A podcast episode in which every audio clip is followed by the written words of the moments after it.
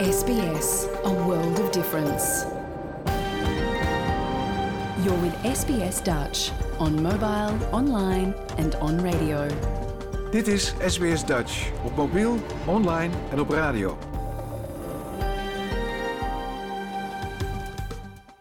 Graag erkennen wij de traditionele eigenaren en verzorgers van het land, van waar we vandaag SBS Dutch uitzenden, en uiten we ons respect aan de Camaragal mensen van de Kurungay Nation en hun ouderlingen uit het heden en het verleden.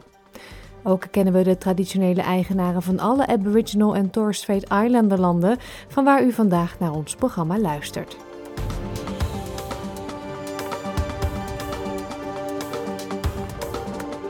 Een hartelijk goedemorgen. Mijn naam is Paulien Roesink en het is zaterdag 24 februari 2024 en dit is SBS Dutch, het Nederlandstalige radioprogramma van SBS. Vandaag gaan we met de leesconsulente Larissa de Ru terug naar de oertijd. Niet om de familie Flintstones te ontmoeten, maar voor knots en tuf. Verder praten we over de mogelijkheden om als student geld te lenen van de overheid.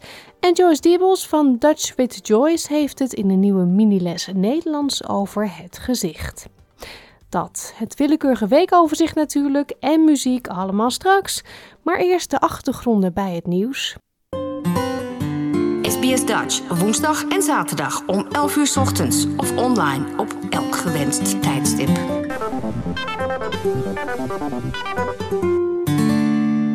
Heeft u moeite om geld te sparen? U bent niet de enige. Het spaargedrag van Australische huishoudens heeft het laagste punt in 17 jaar bereikt.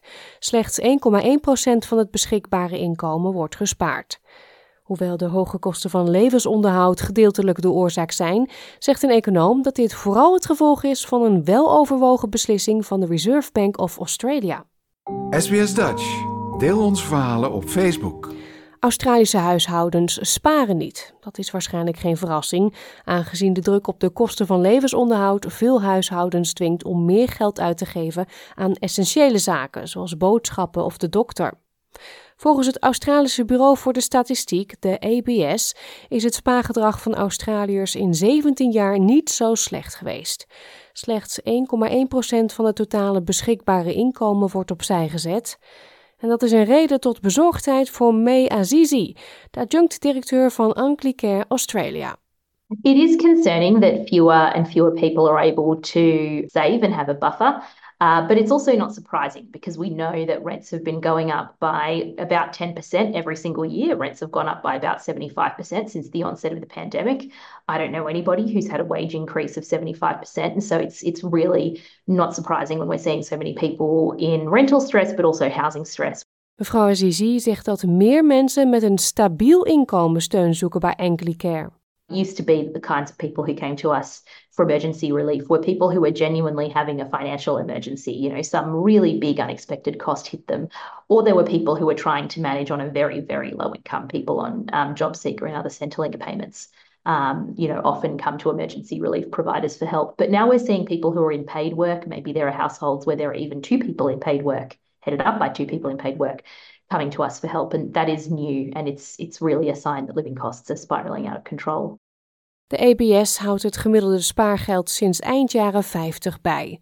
Hoogleraar economie aan de Universiteit van Newcastle, Bill Mitchell, zegt dat het spaarbedrag in de loop van de tijd fluctueert.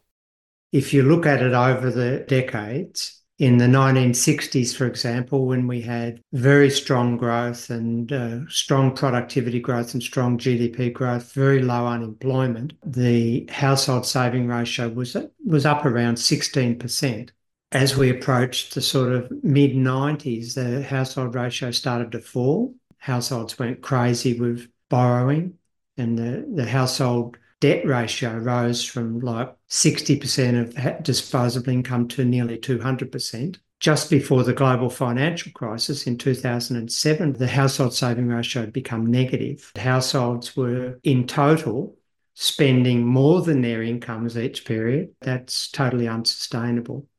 Volgens professor Mitchell is het huidige spaargedrag van huishoudens het gevolg van opzettelijke monetaire beleidsbeslissingen.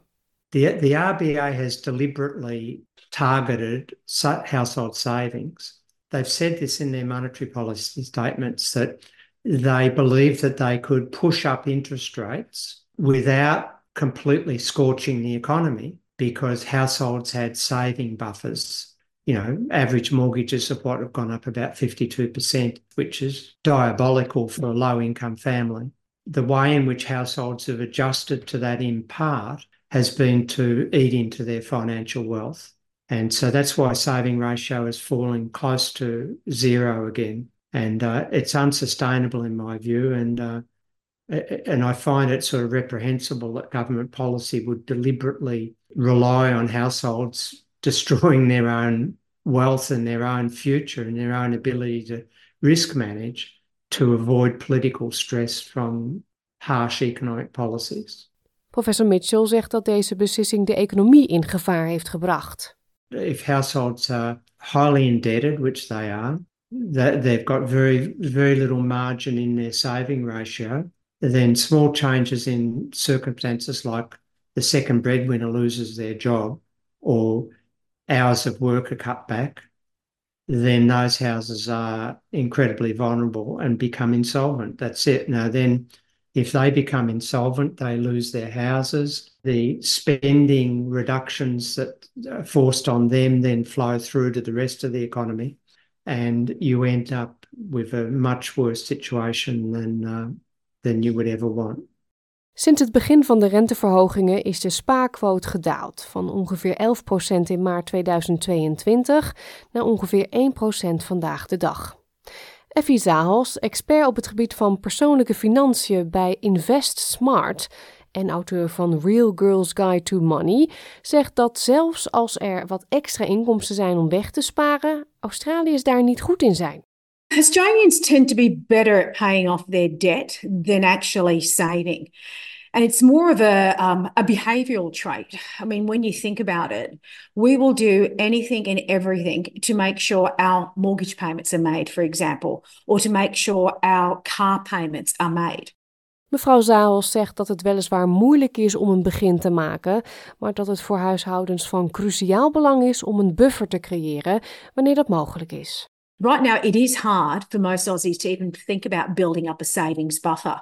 We've spent the last three years really ripping out our savings. Most experts say you need six months' worth of your salary in an emergency account. Uh, that's not going to happen. I mean, when you think about it, that's tens of thousands of dollars.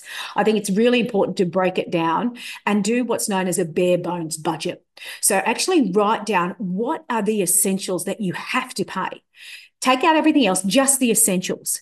Get that figure and then times it by how long do you think you would remain unemployed in your industry? Even a $1,000 in an emergency fund is better than nothing.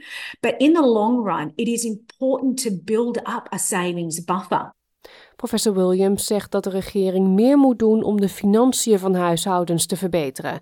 En dat begint met het aan het werk houden van mensen. You need to avoid unemployment. So when the Reserve Bank last year said that they believed that they had to push up interest rates to force unemployment up to stop household spending, well, they were also saying that they were going to be destroying household savings and the capacity to save. The government should keep unemployment low at all costs, in my view.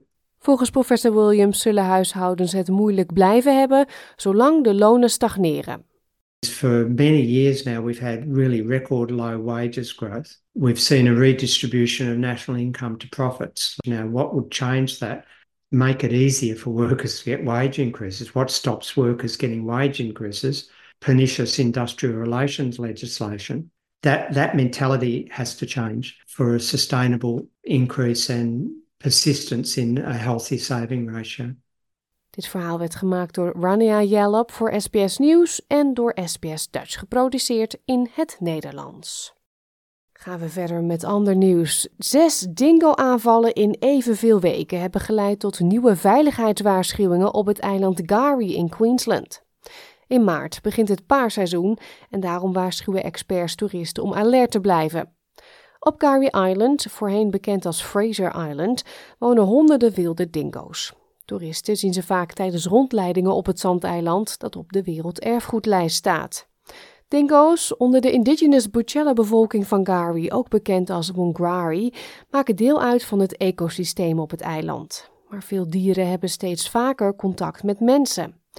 De wilde dieren worden gevoed, wat ervoor zorgt dat ze terugkeren naar drukke toeristische gebieden.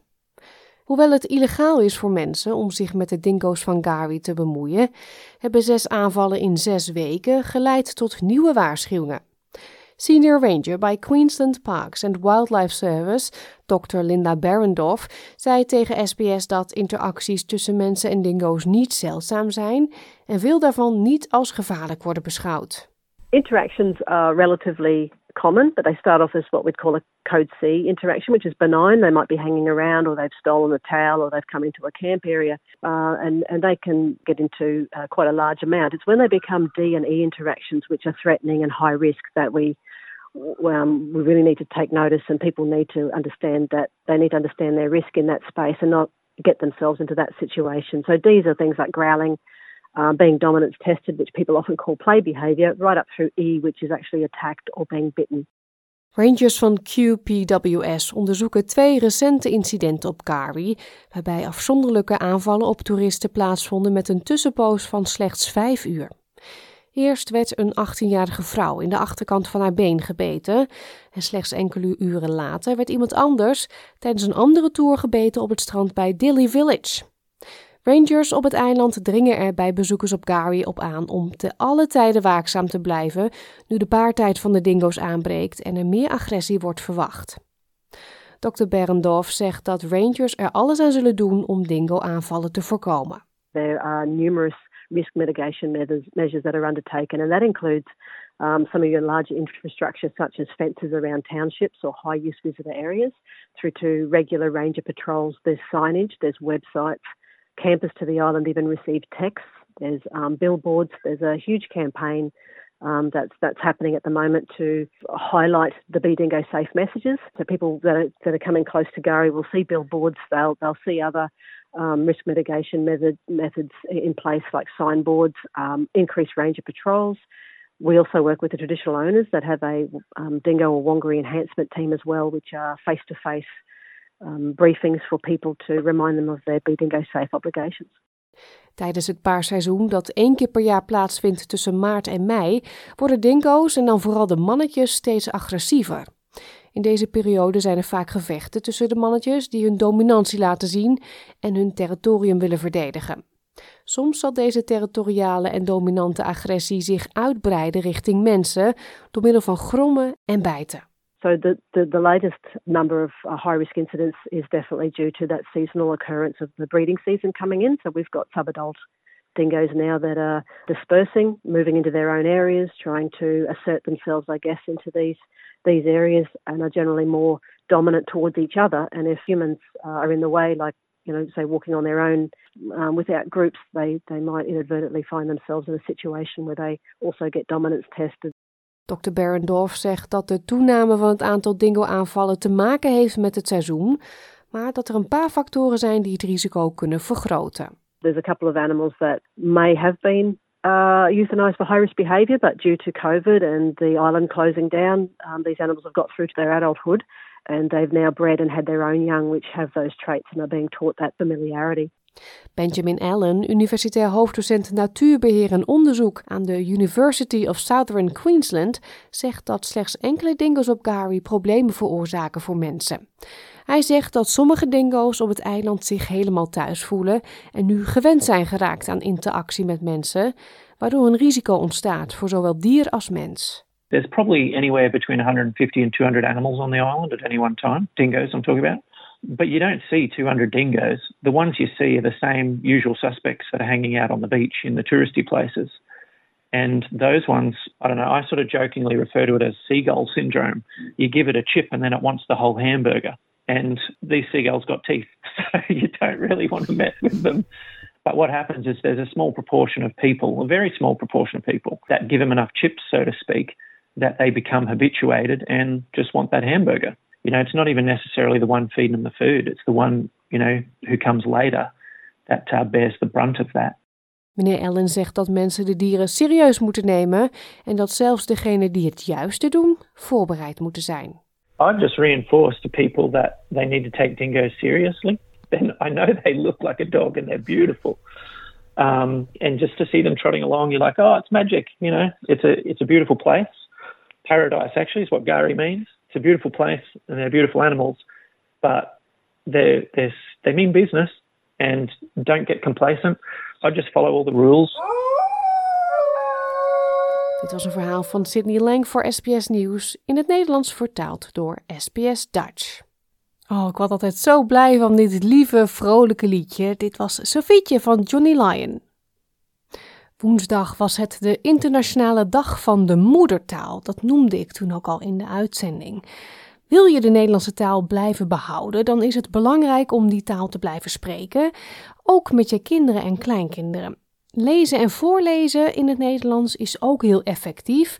En daarom bespreken wij met leesconsulente Larissa de Ru iedere maand kinderboeken hier bij SBS Dutch. Dit keer neemt ze ons mee naar de oertijd en vertelt ze over de avonturen van Knots en Tuf. De broer en zus zijn de geesteskinderen van scenario-schrijver Thijs van Marle. Jouw gemeenschap, jouw gesprek, SBS Dutch. Larissa, vandaag ga je ons iets vertellen over uh, twee, uh, volgens mij een broer en een zus. Knots en Tuf. Knots en Tuf, ja. Zijn die twee namen een begrip onder de kinderen als je ze noemt? Um, ik denk dat uh, vooral Knots onder de kinderen in de groepen 5, 6 echt wel iets opbrengt al tegenwoordig. Tuf is het zusje. Die komt voor ook in de boeken van Knots. Maar die zal denk ik ietsje minder bekend zijn. Ja, knots, denk ik aan een eh, knuppel. Volgens mij zit ik goed in de richting dan, hè? Ja, dat is, uh, vindt zijn moeder ook. Uh, die vindt het namelijk heel handig. De naam is eigenlijk twee favoriete dingen in haar leven. Dat ding om mee te slaan en haar zoon. Dat is lekker makkelijk. En uh, ja, het is ook natuurlijk een stoere naam. En ja, de hoofdpersoon, ik zal hem even neerzetten. We zijn ondertussen in de oertijd beland. daar spelen deze boeken. En toen Knots geboren was, vonden zijn ouders het superbelangrijk dat hij een stoere naam kreeg. Zijn vader heette namelijk Henk. En daar werd hij heel veel mee gepest in de oertijd. En uh, dus ja, het werd Knots. Dat straalde stoerheid uit. Maar dat is nou, nou, nou net ook Knots een probleem. Hij voelt zich niet zo stoer. En uh, dat is lastig als je in de oertijd woont. Ja. En ja, nou ja, je hoort het al aan de naamgrap. De boeken zijn zo populair. Ik denk dat heel veel kinderen ze pakken. In eerste instantie ook uh, vanwege de ontzettend leuke illustraties van Esther van den Brink. Zij tekent in zwart-wit, maar wel gewoon heel grappig en echt ter ondersteuning van het verhaal. Dus het is makkelijk open te slaan. Um, er staan niet extreem veel letters in. In de delen van Knots trouwens wel meer dan die van Tuf. Maar ja, er zitten gewoon ontzettend grappige humorstukjes in. Um, voor mensen die denken, goh, ik geef dit aan mijn kind zodat ze heel waarheidsgetrouw over de oertijd kunnen leren. Je kunt mooie gesprekken houden over wat wel en wat niet klopt. Hij eet bijvoorbeeld ook chocoladepasta en pindakaas. En uh, hij gaat ook lekker uh, op zijn stenen skateboard ergens naartoe. Ja, maar de kinderen vinden het echt geweldig. Is het een beetje de moderne variant van uh, Yabadabadoo, de Flintstones? Ja, ik denk dat wij dat allemaal inderdaad die connectie nog wel hebben. Ik zei het laatst tegen mijn dochter en die dacht echt, waar heb jij het over? Leuk dan wel voor de ouders. Zeker weten, ja. ja het is dus ook echt wel, uh, zoals ze zelf aankondigen, een knotsgek verhaal. Want ja, de oertijd, daar horen mammoeten bij. En uh, sneeuwleeuwen en natuurlijk een avontuur in dit eerste deel. En ja, wat zou een verhaal zijn zonder spannende uh, slechterikken aan de andere kant? En dat is in deze oertijd zijn dat de oerkies, uh, de grote vijanden. En Knots raakt dus eigenlijk bevriend met een van die oerkieskinderen. Nou ja, er speelt dus van alles mee. Um, er zit ook wel moraal in het verhaal, zonder dat het er heel hard bovenop uh, komt te liggen. Dus voor kinderen is het gewoon een heerlijk verhaal. Ja, dat het hier in Nederland aanslaat, blijkt wel. Want dit is het eerste deel van Knots. En er zijn ondertussen vier delen. Dus na dit deel zijn er nog drie andere delen. Wat altijd fijn is om door te kunnen lezen. En ik vermoed dat er ook nog wel meer bij gaan komen. Mhm. En je zegt hier in Nederland is populair, want het is dus wel van een Nederlandse schrijver. Ja, het is van een Nederlandse schrijver. Thijs van Marle heet hij. Hij uh, is scenario-schrijver. En Knots was zijn uh, debuut als kinderboekenschrijver. Ja, en groep 5, 6, zei je ook net al, hè? Daar, daar kennen de kinderen uh, Knots waarschijnlijk wel. Ja, ik heb het uh, in de kinderboekenweek in oktober voorgelezen bij mijn dochter. Die zit in groep 5 in de klas. En ja, wat gewoon heel fijn is, de jongetjes vinden het ook gewoon heel erg leuk. En die zijn toch altijd net wat lastiger aan het lezen te krijgen of enthousiast voor een boek. Hmm. Ik ben eigenlijk wel heel erg benieuwd uh, om een stukje te horen. Heb je ook een stukje uitgekozen toevallig? Ik heb een stukje uitgekozen. Ik dacht, doe niet het begin, want dat heb ik net allemaal al verteld. Want daar lees je waarom die zijn naam heeft gekregen. Ik dacht, ik doe de sneeuwleeuw. De sneeuwleeuw. Knots rende zo snel als hij kon. Hij ging terug door de plakkerige modder. Daarna stoof hij langs de sprietige varkens en denderde hij door de prikkenbosjes. Als hij het kikkermeer kon vinden, wist hij vanaf daar de weg naar huis. Toen Knots even keek waar hij was, herkende hij niks. Tijdens het vluchten voor de sneeuwleeuw en de oerkie was hij helemaal de verkeerde kant op gerend. Het kikkermeer met de grot van oom Rumo was nergens te zien. Hij stond nog steeds midden in het waaibomenbos. Kriebels, piepte Knots. Wat moest hij nu? Hij probeerde na te denken, maar zijn hoofd bonkte als een trommel. Boem, boem, boem, boem. Het enige waar Knots aan dacht, was dat hij maandag waarschijnlijk school zou missen, omdat hij was opgegeten. Terwijl zijn klas lekker aan het voetballen was, werd hij uitgepoept door de sneeuwleeuw of door de oerkie. Dat kon nog. Het waren allebei best rottige dingen. Terwijl Knot zijn akelige gedachten probeerde weg te schudden, struikelde hij over een tak. Hij tuimelde voorover, rolde een stuk verder en kwam met een harde plets terecht in de dikke plak modder. Ik ben heel benieuwd hoe voetballen in de oertijd eruit heeft gezien. Met wat ze voetbalden. Maar uh, het klinkt inderdaad meteen, je zit erin, er gebeurt veel. Zeker weten. Nou ja, en in het, uh, alle boeken van uh, Knots kom je ook al haar zusje, of zijn zusje Tuf tegen. En Tuf gaat mee op die avonturen. Um, en die vond het wel eens tijd worden voor haar eigen boek. Zeer terecht, vind ik ook. Uh, dus na vier avonturen van Knots is er nu ook het boek van Tuf. En zij is het stoerste meisje van de oertijd. Um, en nu haar knuffelkonijn kwijt. Dus tijd voor haar eigen avontuur. Ik zal er even wat over vertellen. Tuf is haar knuffelkonijn kwijt. Samen met haar vriend Isidor, de bonte gaapkat, begint ze aan een spannende zoektocht door de Groene Vallei. Ze trotseren boze siddercavia's, slijmerige girafslakken en giftige neushoornkevers. Wie van deze dieren heeft haar konijn gepikt? En vindt Tuf ooit de weg nog terug naar huis? Ga mee op een grappig avontuur met het stoerste meisje uit de oertijd. Ik eh, vraag me af of dan in de boeken van Tuf ook een knots nog weer voorbij komt. Af en toe. Ik denk dat we dat maar gewoon nog even geheim moeten laten. Hmm. Is er nog maar één boek van Tuf uit of zijn er al meer? Ja, maar de volgende staat al wel gepland. En uh, mijn dochter kan al niet wachten tot die uh, uitkomt. Hmm. Wat is volgens jou nou wat deze boeken erg leuk maakt? Nou, je zei het zelf net ook al. Er zit heel veel snelheid en uh, grappige stukjes in.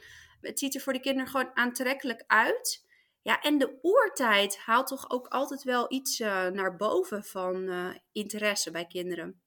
Ja, toch uh, heel lang geleden, kunnen we ons niet herinneren.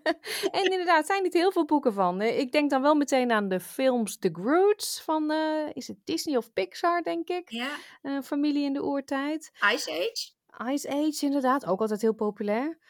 Dus ehm, dit sluit dan weer leuk aan voor mensen die graag van lezen houden. Ja, en ik vind het ook wel echt een leuke keuze van die schrijver om juist dit stuk dan te pakken, omdat er gewoon nog niet zoveel is. En misschien wel leuk, de schrijver die is namelijk ook uh, bekend van, omdat hij scenario schrijver is, hij heeft ook bijvoorbeeld alle Mace Case films de teksten van geschreven. Ah, ja, die zijn ook bekend bij heel veel kinderen, de boeken en de films. Ja, Dus ik uh, vind het echt aanraders, deze knots- en tuf boeken. Dankjewel. Graag gedaan, tot de volgende keer. Kent u de verhalen van Knots en Tuf al? Of zijn uw kinderen of kleinkinderen geïnteresseerd in andere thema's? Neem dan een kijkje op onze website, want daar staan nog veel meer kinderboekentips. Het adres is sps.com.au/dutch.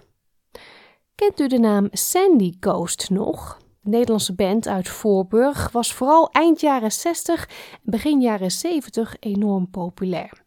De bekendste hits waren The Eyes of Jenny uit 1981 en deze uit 1971, True Love, That's a Wonder. Dit is Sandy Coast. Je denkt er waarschijnlijk helemaal niet zo over na, maar er is nogal veel te zien als je naar een gezicht kijkt. Oren, wimpers, mond om maar iets te noemen. In een nieuwe aflevering van Leer Nederlands kijken we samen met lerares Nederlands Joyce Diebels van Dutch with Joyce naar het gezicht.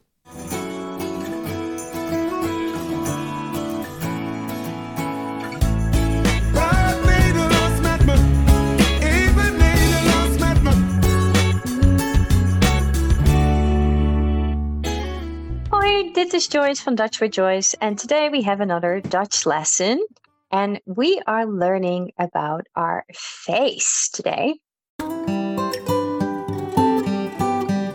And our face in Dutch means gezicht. Gezicht. And zicht on its own means kind of like your sight. So, you know, where you see from, um, from your own perspective. So je gezicht consists out of several parts and we're just running through them so that you get to know the different parts of your face. First up is eyes. Eyes in Dutch are ogen. Eén oog, twee ogen. And you can see with your eyes, so you can say ik zie met mijn ogen. Ik zie met mijn ogen. Then your nose. Your nose has the o sound in the middle. And we say neus. Een neus, twee neuzen. You smell with your nose. So we say, ik ruik met mijn neus. Ik ruik met mijn neus. Mouth is mond. Mond. And you can do multiple things with them, but one is tasting. In this case, you would say, ik proef met mijn mond, as if you're like proofing uh, whether the dish is great or not, like a little experiment. Ik proef met mijn mond. Is oren, één oor, twee oren. And this one rhymes nicely because you can say, ik hoor met mijn oor. Or wij horen met onze oren. Then we've got our eyebrows. So the word brow is pretty similar. You can Dutchify that. And instead of I, so we don't say oh for this one, we say wenk, as if you're kind of like winking with them. Wenkbrauwen. Eyebrows are wenkbrauwen. And you can say, like, I put them up. So, ik doe mijn wenkbrauwen omhoog. Ik ben verrast. I'm surprised. Then underneath, we've got our eyelashes. This is a funny one. Eyelashes are wimpers. So there's not really a way to relate this to anything, but we just say wimpers. De wimpers. And we can say, for example, ik doe mascara op mijn wimpers. Ik doe mascara op mijn wimpers. Chin so the C is also pronounced as a K. That's what we want to keep in mind for this one. A chin is een kin. De kin. En mijn kin is onder mijn mond. Mijn kin is onder mijn mond. Cheeks. Cheeks, I think, is a hilarious word. Cheeks are wangen. Wangen something that my grandpa always used to do is mijn opa knijpt in mijn wangen. Mijn opa knijpt in mijn wangen. So he just grabs my cheek a little bit and squeezes it. That is what knijpen means. Knijpen is squeeze. Then forehead. So your head is je hoofd. Hoofd. For or in front is voor. So your forehead is jouw voorhoofd. So something we can say with our voorhoofd is ik heb rimpels op mijn voorhoofd. Ik heb rimpels op mijn voorhoofd. Rimpels zijn wrinkles. So we've got wrinkles on our forehead. Ik heb rimpels op mijn voorhoofd. And last but not least, you might be someone who has a couple of freckles. And this is actually also a really cool one. Freckles in Dutch are sproeten. Sproeten. And we can say something like: Ik heb sproeten of sproetjes op mijn neus en wangen. Ik heb sproetjes op mijn neus en wangen. Those are a few of the words that we can learn about the face. So we had ogen, neus, mond, oren, wenkbrauwen, wimpers, kin, wangen, voorhoofd en sproeten. Dit zijn de dingen op jouw gezicht. So memorize these words, try and make some sentences with them throughout this week, and we will see you next week. Dankjewel. Doei.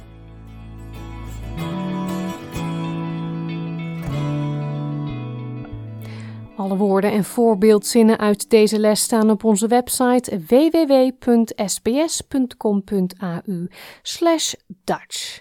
Hier kunt u ook de 30 andere afleveringen terugluisteren. Klik op onze homepage bovenaan op podcastseries en kies daar dan Leer Nederlands en alle afleveringen verschijnen op een rijtje. We gaan verder met een overzicht van enkele opvallende nieuwsberichten uit Nederland van de afgelopen week met dank aan de NOS.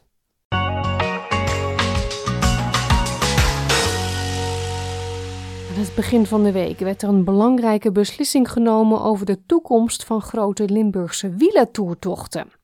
De gemeenteraad van Vaals stemde over een plan van het college van burgemeester en wethouders om tochten met meer dan 5000 deelnemers te verbieden. Ze zouden te veel overlast veroorzaken.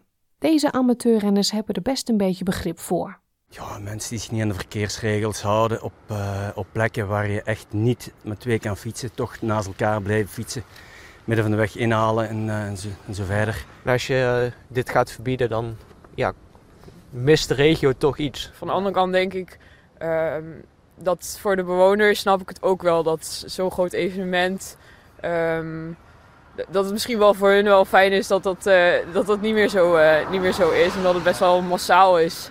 Nou ja, dat, daar zal best wel sommige mensen last van hebben. Maar het brengt ook veel andere dingen. En als de toer toch verdwijnt, dan komen de mensen misschien niet meer een, een lang weekend hierheen om te fietsen. Dan komen ze voor de Amsterdam Gold Race komen er misschien veel minder mensen. Even laten om de zoveel jaar een onderzoek doen. Dat is een economisch gevolg van meer dan 20 miljoen euro. Dus, en, en in een toeristisch gebied. Dus daar zijn ze volgens mij ook wel blij mee.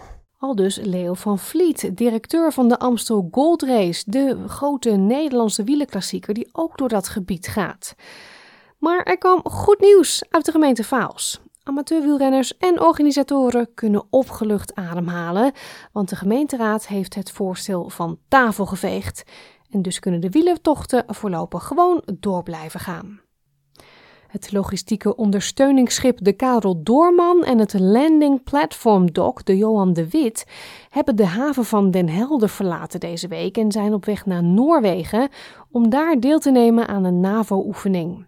U hoort commandant Wilbert van Gemeren en marinier Frank van den Berg.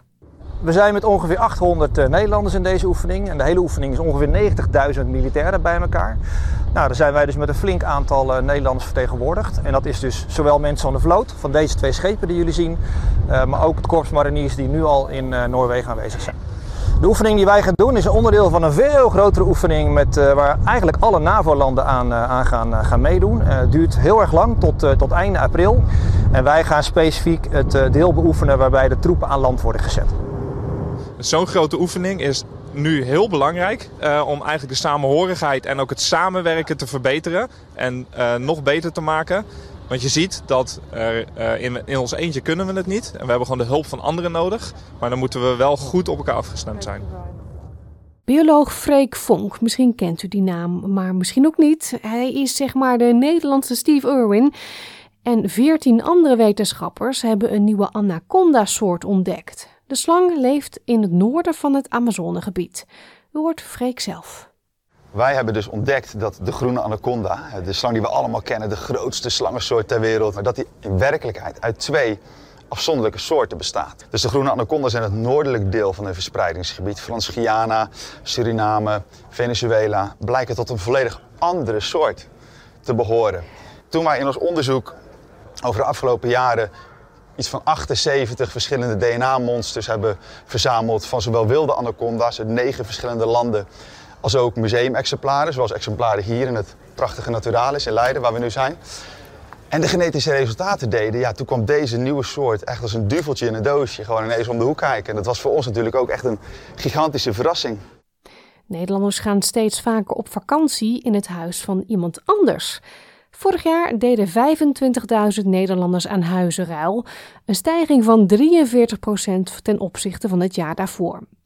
Gerard Harbers vertelt waarom hij en zijn gezin een huizenruil zo leuk vinden. Het is wel heel uh, spontaan en als je een huisje ruilt, dan heeft het ook een soort van uh, ziel. In die zin, hier wordt echt geleefd. En nou, wij vinden het ook gewoon leuk, omdat het ook een soort van duurzaam is. Je gaat op vakantie het kost eigenlijk niks. Het enige wat eigenlijk uh, telt is dat je elkaar vertrouwt. je leeft in een ander huis. Dan ben je ook zuinig op de spullen. En ik ga ervan uit dat mensen ook zuinig zijn op mijn spullen. In Nijmegen hebben honderden mensen deze week door middel van een brandgrenswandeling de bombardementen op de stad herdacht. Bij de aanval in 1944, nu dus 80 jaar geleden, kwamen 773 mensen om het leven. Ik loop mee omdat het uh, de tijd van mijn ouders was. Mijn moeder was heel erg betrokken met de, oorlog. Mijn oom heeft hier gewoond en, en die heeft het meegemaakt. En, en dan begint alles in één keer veel meer te leven. En dat, uh, ik greep het meteen aan van nou, dit wordt het vanavond. Nijmegen is eh, de stad waar wij zijn opgegroeid. En het is toch een bijzonder moment, zeg maar, zo'n bombardement. En nou, dat vind ik wel mooi om te herdenken. Om, nou ja, om toch aandacht aan te, aan te schenken en om, om het niet te vergeten. Gewoon ook uh, dat wij dankbaar mogen zijn dat wij wel in vrede mogen leven, zeg maar. Dat vind ik wel belangrijk, ook voor mijn kind. Tot zover dit willekeurige weekoverzicht van deze week, met dank aan de NOS.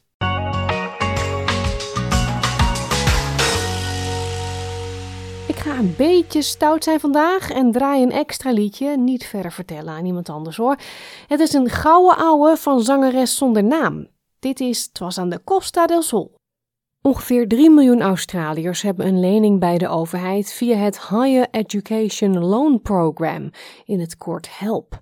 Als u zich inschrijft voor een tertiaire studie, oftewel het hoger onderwijs, dan komt u wellicht ook in aanmerking om de betaling van uw lesgeld uit te stellen totdat u een baan heeft gevonden.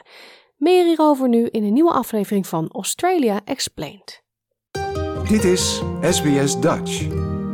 Wanneer u zich inschrijft voor het hoger onderwijs in Australië, moet u een betalingsregeling treffen voor uw opleiding. Sommige studenten kunnen hun cursusgeld vooraf betalen om schulden te voorkomen, maar de meeste kiezen voor een overheidslening om het collegegeld te dekken. Dit overheidsprogramma staat bekend als het Higher Education Loan Program of HELP. Er zijn vijf specifieke helpregelingen, waarvan HEX-help en Fee-help de meest voorkomende zijn.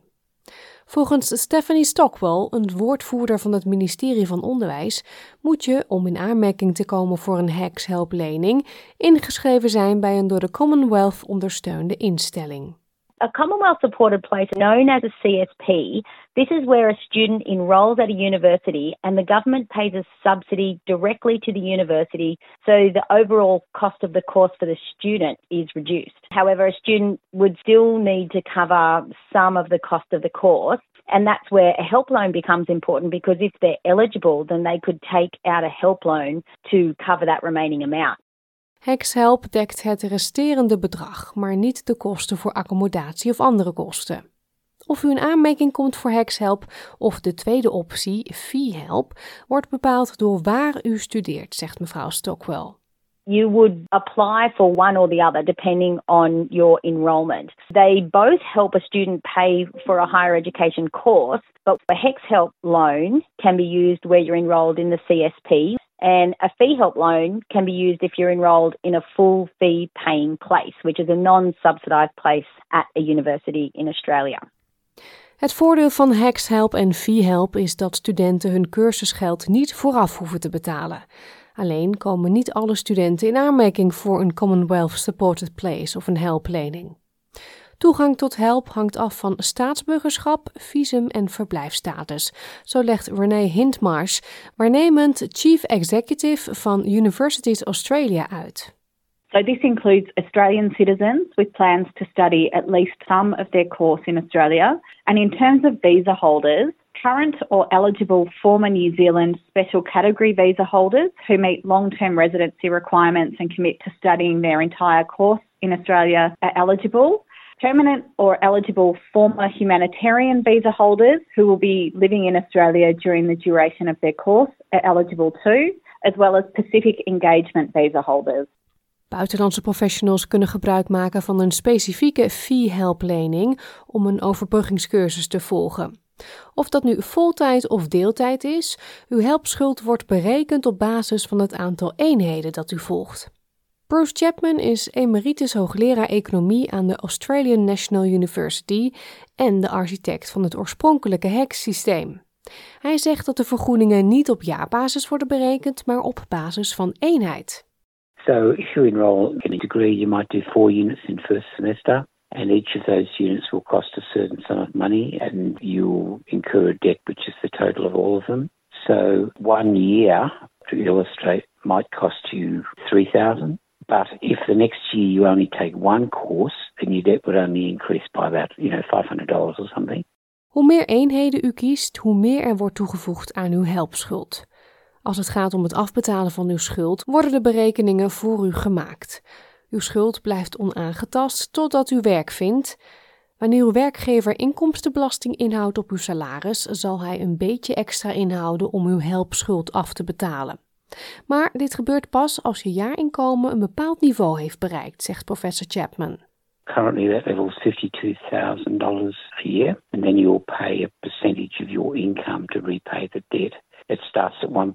So, for example, if you've got a debt for $30,000, which would be not uncommon, and you don't start working in a job until five years later, nothing happens at all. When you earn $52,000, 1%, which is $520, will be taken off your debt until the debt's gone.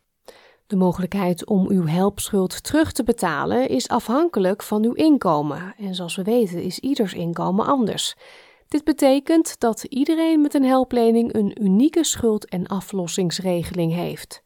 Zoals professor Chapman opmerkt, werkt het dus anders dan een lening bij een bank. Bank loan, everybody has to pay a particular amount of money every month, and there's interest rate adjustments, and it's all very clear how long it takes. With HEX debt, some people will repay if they've got very high incomes in about five years, and some people won't pay until they leave the labour force. So it's very, very diverse. But the median time to repay an average kind of debt would be about 10 years.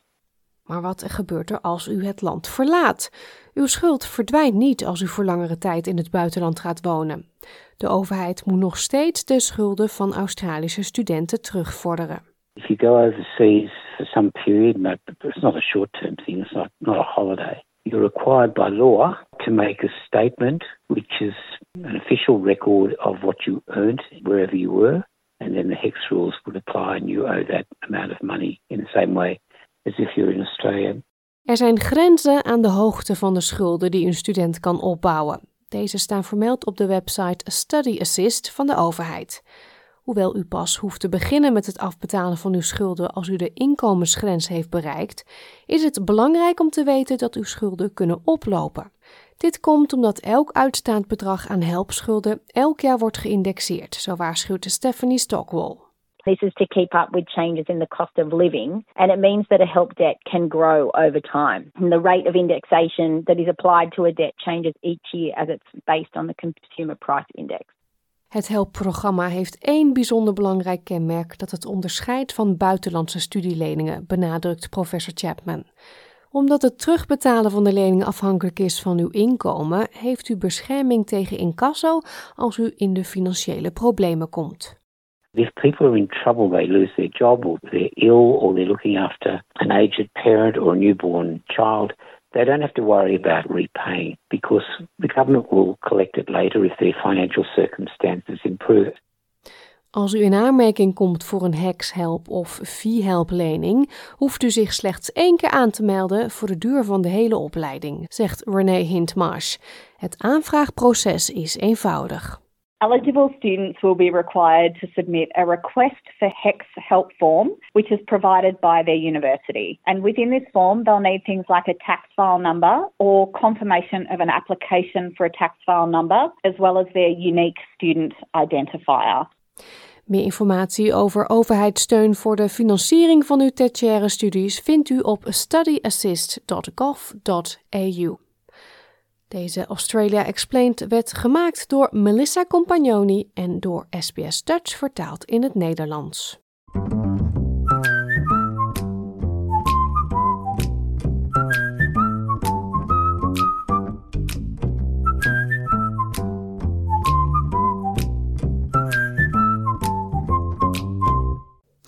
Tot zover SBS Dutch voor deze zaterdag 24 februari. Op www.sbs.com.au Dutch kunt u deze aflevering of een van onze andere verhalen of series terugluisteren, zoals Emigreren, Remigreren, Aan tafel en Het verliezen van je Nederlanderschap. Onze uitzendingen en series zijn ook te beluisteren via de SBS Audio app. U kunt deze gratis downloaden in de Apple Store of Google Play. Maar we zijn ook te beluisteren via uw favoriete podcast app. Op Facebook zijn we te vinden onder de naam SBS Dutch of ga rechtstreeks naar www.facebook.com/sbsdutch. Zoals altijd sluiten we ook vandaag af met muziek. Dit keer is het Hoe het danst.